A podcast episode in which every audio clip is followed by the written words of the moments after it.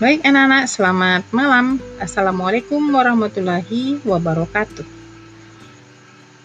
Kali ini saya akan menyampaikan materi untuk pelajaran teknologi dasar otomotif pada materi mesin konversi energi.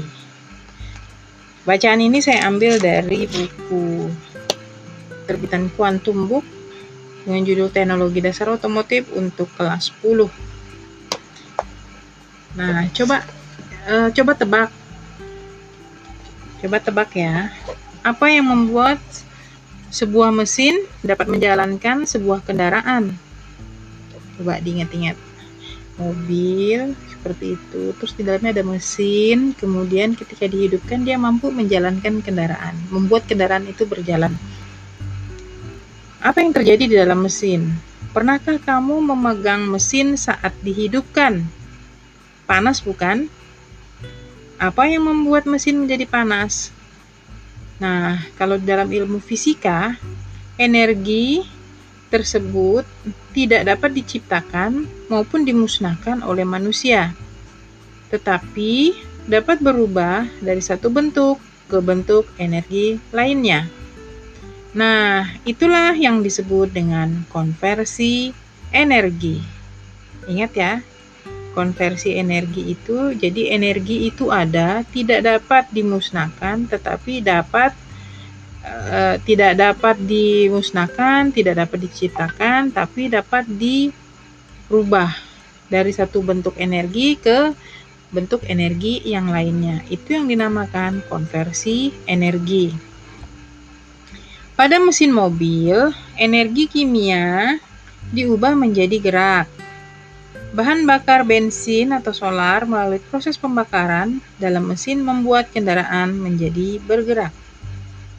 Oke, jadi mesin di dalam mobil itu kan ada mesin, kemudian energinya tadi kan tidak bisa dimusnahkan, tidak dapat diciptakan, tetapi dapat berubah. Nah, Energi yang diubah adalah energi kimia. Nah, energi kimianya adalah berupa bahan bakar. Bahan bakar itu kalau kita perhatikan ada namanya ikatan kimianya ya.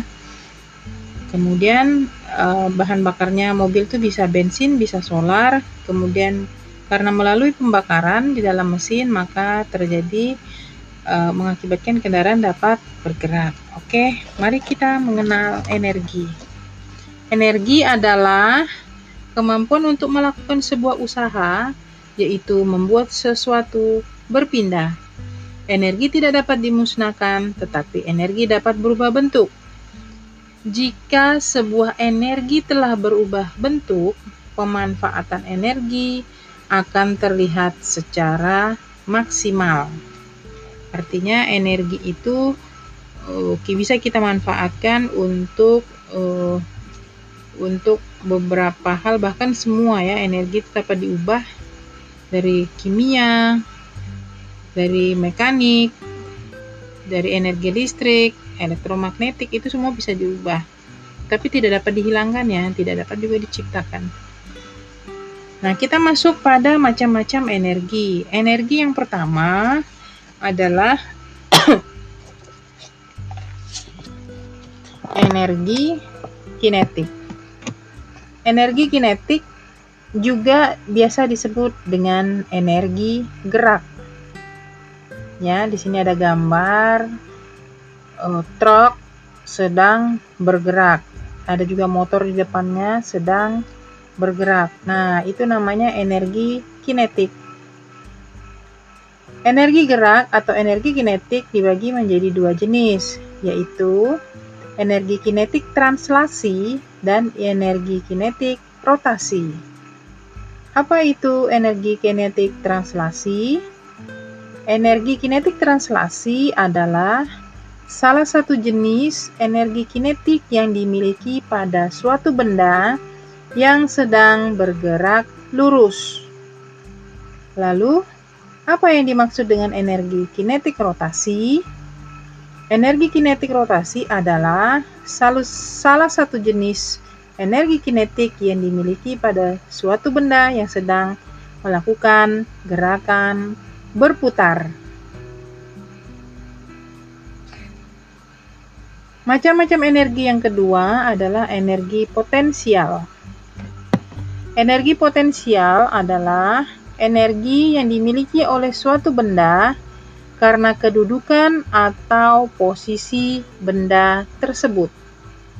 Energi potensial tersimpan dalam benda tersebut dan dimanfaatkan jika diperlukan. Nah, di sini ada gambar uh, ada pegas di atas meja gitu ya. Pegas tahu ya, per. Tapi bayangkan per yang besar gitu ya. Kemudian ada tangan di atas sedang menekan per. Nah, ketika kita menekan seolah-olah ada energi yang melawan dari bawah. Kita menekan dari atas seolah-olah ada energi yang menekan ke atas melawan tangan kita. Itu namanya energi potensial. Kemudian macam energi yang ketiga adalah energi mekanik. Energi mekanik merupakan energi gerak. Misalnya, turbin air untuk mengubah energi potensial menjadi energi mekanik untuk memutar generator listrik.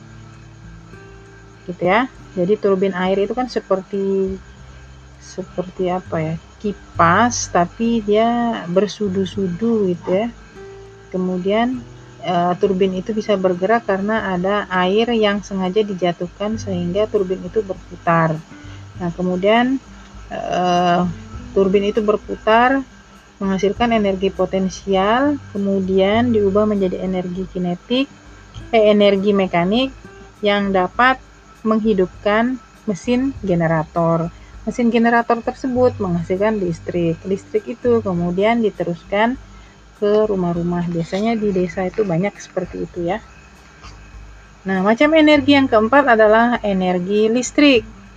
Energi utama yang dibutuhkan bagi peralatan listrik atau energi yang tersimpan dalam arus listrik. Listrik mempunyai satuan ampere yang dilambangkan dengan huruf A dan tegangan listrik pada satuan volt yang dilambangkan dengan huruf V.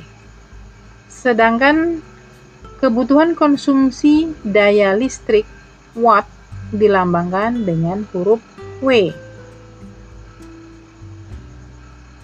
Macam energi yang kelima adalah energi elektromagnetik.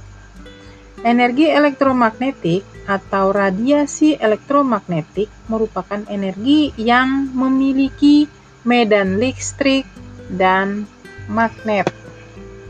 Jadi energi listrik ini bisa diubah menjadi magnet. Bagaimana caranya? Nanti kita lihat ya. Macam energi yang keenam adalah energi kimia.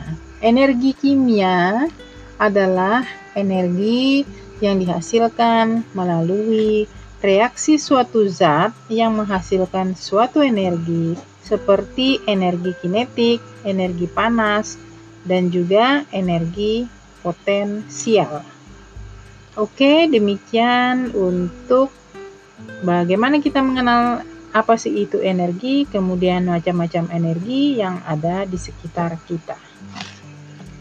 Nah, saya minta kepada kalian untuk uh, menuliskan atau meresum apa tadi yang telah saya sampaikan di buku tulismu untuk buku teknologi dasar otomotif untuk materi konversi energi. Demikian, terima kasih. Jaga kesehatan, jangan banyak bergadang, dan jaga keselamatan diri kalian semua. Wassalamualaikum.